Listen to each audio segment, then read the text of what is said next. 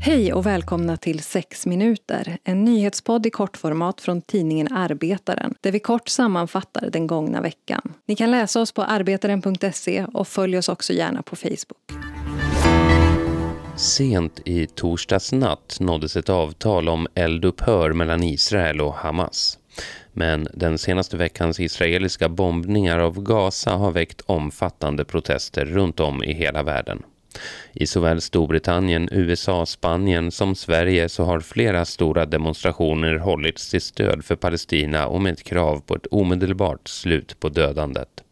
De israeliska raketattackerna har fördömts av flera människorättsorganisationer, bland annat Rädda Barnen, efter det att fler än 60 av de dödade är just barn.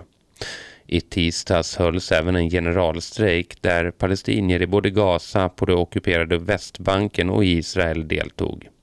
Strejken ses av många som historisk och den stöddes av de bägge ledande palestinska organisationerna Hamas och PLO.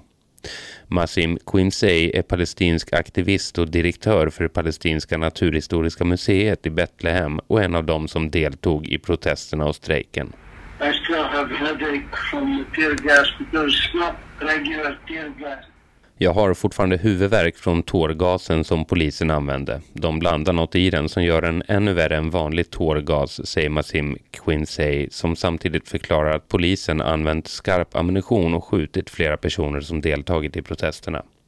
Läs mer om händelseutvecklingen i Gaza och de senaste dagarnas protester på arbetaren.se.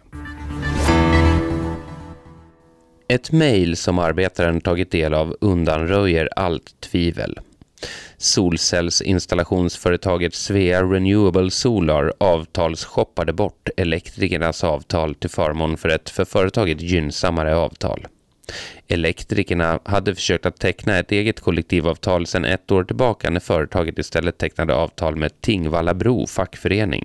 Ett för de flesta helt okänt fack men som av fackliga har kallats för Sveriges enda så kallade gula fack. Arbetaren kan nu visa hur Svea Solars agerande steg för steg följer det mardrömsscenario som flera experter sa kunde bli följden av den nu drygt ett och ett halvt år gamla strejklagstiftningen. Ja, men det, det här är ju typexemplet på hur man som arbetsköpare tillämpar den nya lagen. Och, och, det går ju, alltså det är ju möjligt eftersom den centrala biten i ordningen som fanns innan nu är borta. Alltså det vill säga den fria strejkrätten. Och det är ingenting Elektrikerförbundet kan göra åt det. Det säger Fredrik Batzler, arbetsrättsjurist till Arbetaren. Och så till den pågående pandemin. Vinstintressena kring vaccintillverkningen ifrågasätts nu allt mer från både politiker och organisationer. Det här efter att minst nio personer ska ha blivit miljardärer till följd av de enorma vinster som läkemedelsbolagen gjort genom patenten på covid-19-vaccin. Det avslöjade organisationen The People's Vaccine Alliance i en ny rapport som presenterades i samband med det årliga G20-mötet i veckan.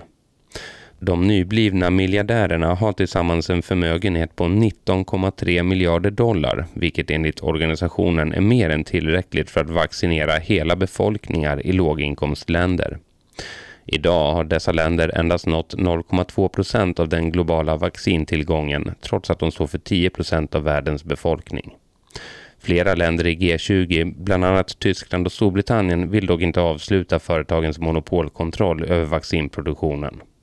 Nu, dags för sista ordet med Annie Hellqvist. Varför kan en företagsägare bara inte få bestämma vilka villkor som ska gälla för de anställda? Finns det de som frågar sig. Vi lever väl i ett fritt land? Och sen kan de arbetare som går med på de villkoren jobba där och de som inte gör det kan bara jobba någon annanstans. På denna tänkta marknad ska rimliga villkor upprätthållas genom att arbetare säger till de villkoren tänker jag inte jobba och väljer ett annat jobb. Den egenmakten är de alla med på att vi ska ha.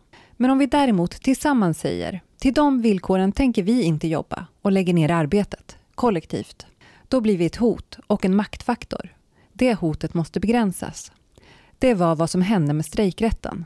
När strejkrätten inskränktes 2019 var det friheten att agera som kollektiv som kringskars. Och när det hände försvagades arbetarsidan och arbetsköparna fick ökad makt att faktiskt välja villkoren, att shoppa det förmånligaste kollektivavtalet.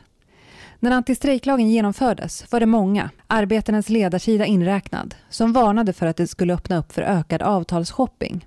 Så kommer det inte att bli, lovade arbetsmarknadsminister Ylva Johansson. Det kommer snarare bli tvärtom, påstod LO. Vi kommer aldrig tillåta någon avtalsshopping, försäkrade Stefan Löfven. Men nu händer det och vi har antagligen bara sett början.